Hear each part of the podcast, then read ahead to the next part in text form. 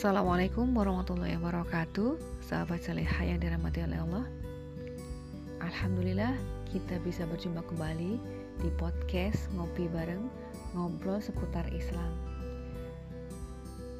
Pada kesempatan kali ini saya ingin melanjutkan tema yang kemarin terkait dengan amal soleh. Di mana amal soleh ini nanti juga akan bisa mendatangkan keberkahan bagi kehidupan kita. Keberkahan juga bisa diraih berkat beberapa amal soleh yang nyata telah kita lakukan. Misalnya sebagai berikut. Yang pertama, mensyukuri segala nikmat. Tiada kenikmatan apa pun wujudnya yang dirasakan oleh manusia melainkan datang dari Allah taala. Atas dasar itulah Allah taala mewajibkan manusia untuk senantiasa bersyukur kepadanya. Dengan cara senantiasa mengingat bahwasanya kenikmatan tersebut datang dari Allah taala, diteruskan mengucapkan hamdalah dan selanjutnya menafkahkan sebagian harta kekayaannya di jalan yang diridhoi oleh Allah Subhanahu wa taala. Seseorang yang telah mendapatkan taufik untuk bersyukur ia akan mendapatkan keberkahan dalam hidupnya, sehingga Allah akan senantiasa melipat gandakan kenikmatan baginya. Allah Subhanahu wa taala berfirman yang artinya dan ingatlah tatkala rotmu mengumandangkan sesungguhnya jika kamu bersyukur pasti kami akan menambah nikmat kepadamu dan jika kamu mengingkari nikmatku maka sesungguhnya azabku sangat pedih Quran Surat Ibrahim ayat 7 pada ayat yang lain Allah taala berfirman, "Dan barang siapa yang bersyukur, maka sesungguhnya ia bersyukur demi kebaikan dirinya sendiri." Quran surat An-Naml ayat 40.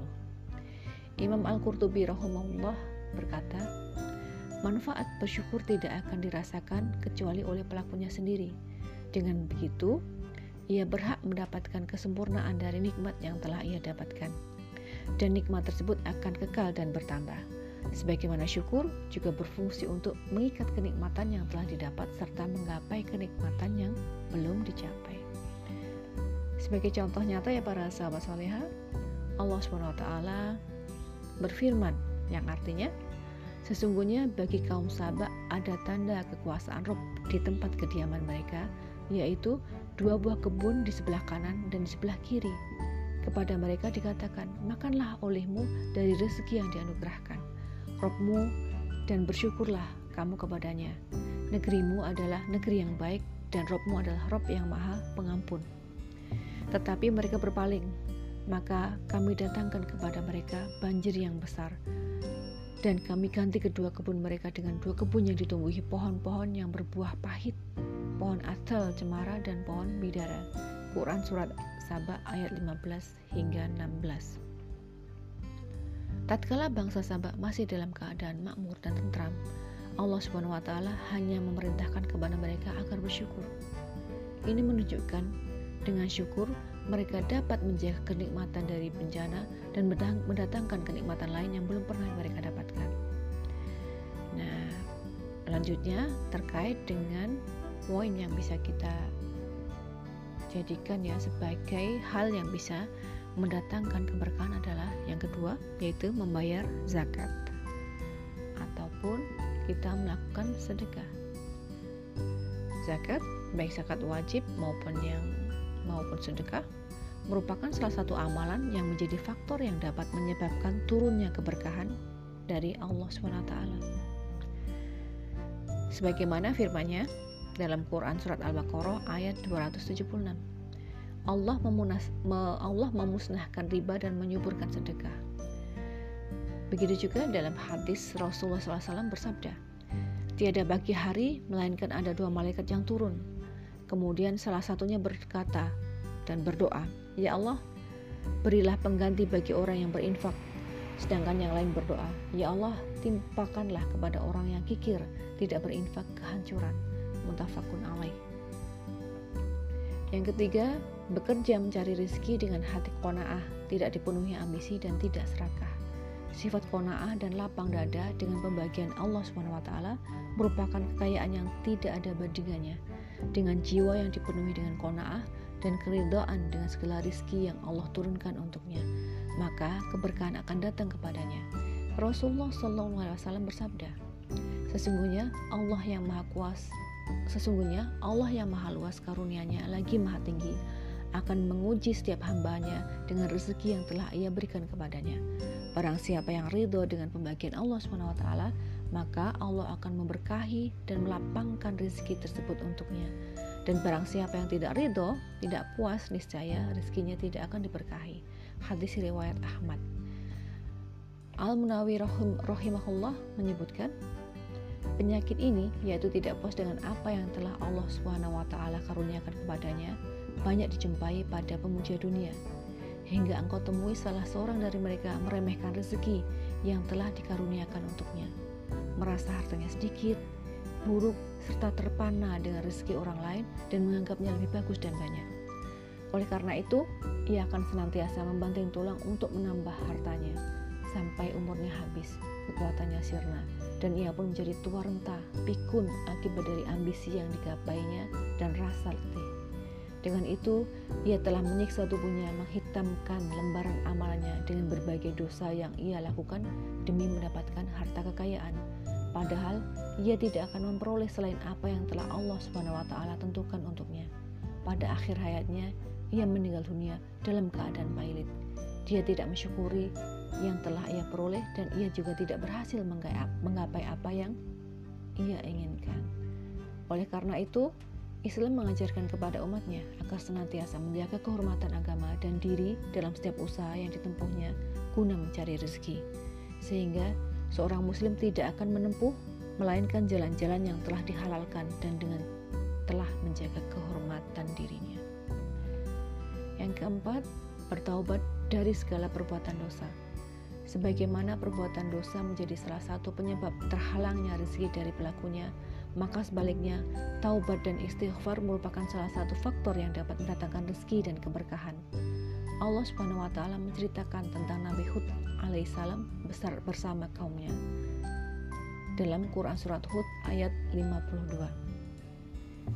Dan Hud berkata, Hai kaumku, beristighfarlah kepada Robmu, lalu bertaubatlah kepadanya. Niscaya dia menurunkan atasmu hujan yang sangat deras, dan dia akan menambahkan kekuatan kepada kekuatanmu, dan janganlah kamu berpaling dengan berbuat dosa.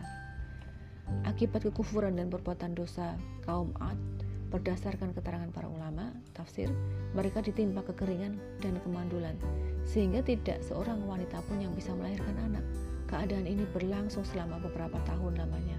Oleh karena itu, Nabi Hud alaihissalam memerintahkan mereka untuk bertaubat dan beristighfar Sebab dengan taubat dan istighfar, Allah SWT akan menurunkan hujan dan mengaruniai mereka anak keturunan.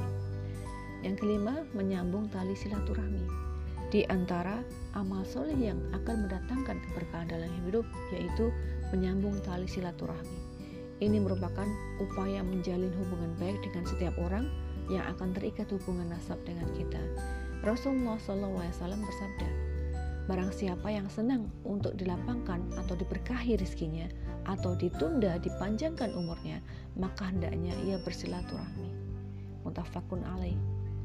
Yang dimaksud dengan ditunda ajalnya ialah diberkahi, diberi taufik untuk beramal soleh, mengisi waktunya dengan berbagai amalan yang berguna bagi kehidupan di akhirat, dan ia terjaga dari menyia-nyiakan waktunya dalam hal yang tidak berguna, atau menjadikan nama harumnya senantiasa dikenang oleh orang atau benar-benar umurnya ditambah oleh Allah taala. Yang keenam, mencari rezeki dari jalan yang halal merupakan syarat mutlak bagi terwujudnya keberkahan harta. Ialah memperolehnya dengan jalan yang halal. Rasulullah SAW bersabda, Janganlah kamu merasa bahwa rezekimu datangnya terlambat, karena sesungguhnya tidaklah seorang hamba akan meninggal hingga telah datang kepadanya rizki terakhir yang telah ditentukan untuknya. Maka tempuhlah jalan yang baik dalam mencari rizki, yaitu dengan mengambil yang halal dan meninggalkan yang haram. Hadis riwayat Abdul Razak, Ibnu Hibban, dan Al-Hakim. Salah satu yang mempengaruhi keberkahan ini adalah praktek riba. Perbuatan riba termasuk faktor yang dapat menghapus keberkahan. Allah memusnahkan riba dan menyebutkan sedekah sebagaimana firmannya dalam Quran Surat Al-Baqarah ayat 276. Ibnu Katsir rahimahullah berkata, Allah Subhanahu wa taala mengabarkan bahwa dia akan memusnahkan riba. Maksudnya, bisa saja bisa saja memusnahkannya secara keseluruhan dari tangan pemiliknya atau menghalangi pemiliknya dari keberkahan hartanya tersebut. Dengan demikian, pemilik riba tidak mendapatkan manfaat dari harta ribanya. Bahkan dengan harta tersebut, Allah SWT akan membinasakannya dalam kehidupan dunia dan kelak di akhirat Allah SWT akan menyiksanya akibat harta tersebut. Bila mengamati kehidupan orang-orang yang menjalankan praktik riba, niscaya kita dapatkan banyak bukti bagi kebenaran ayat dan hadis di atas. Betapa banyak pemakan riba yang hartanya berlimpah hingga tak terhitung jumlahnya, akan tetapi tidak satu pun dari mereka yang merasakan keberkahan, ketentraman, dan kebahagiaan dari harta haram tersebut.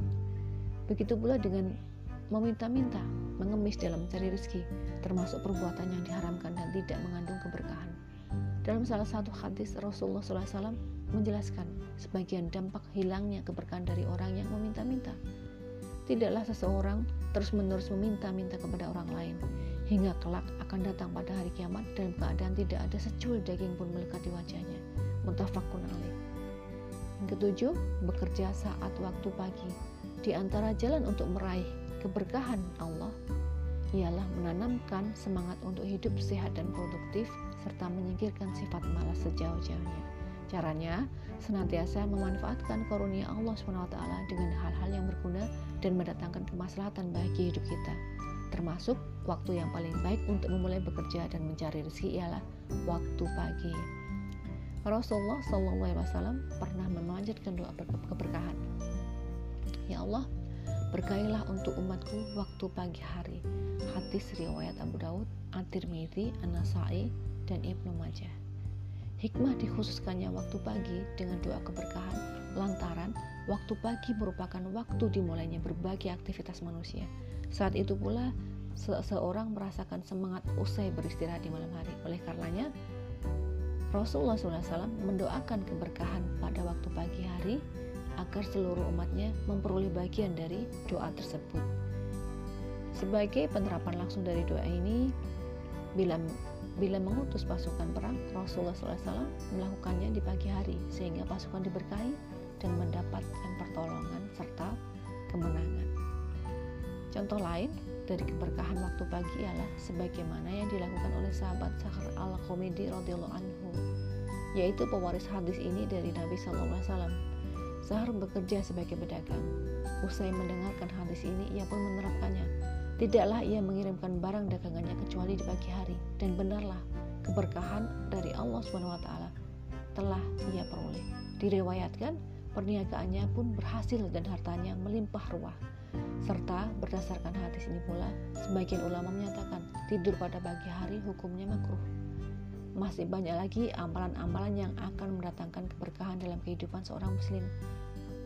Sehingga insya Allah apa yang telah dipaparkan di atas ini hanya sebagai contoh semata. Semoga Allah SWT senantiasa melimpahkan taufik dan keberkahannya kepada kita semua. Dan semoga pemaparan singkat di atas ini dapat berguna bagi kita, terkhusus juga bagi saya sebagai pengingat bagi diri saya sendiri tentunya. Tak lupa jika ada sesuatu yang ada kekurangan dari apa yang saya sampaikan, mohon dimaafkan karena kesempurnaan hanya milik Allah SWT. Insya Allah kita coba kembali di kesempatan yang akan datang.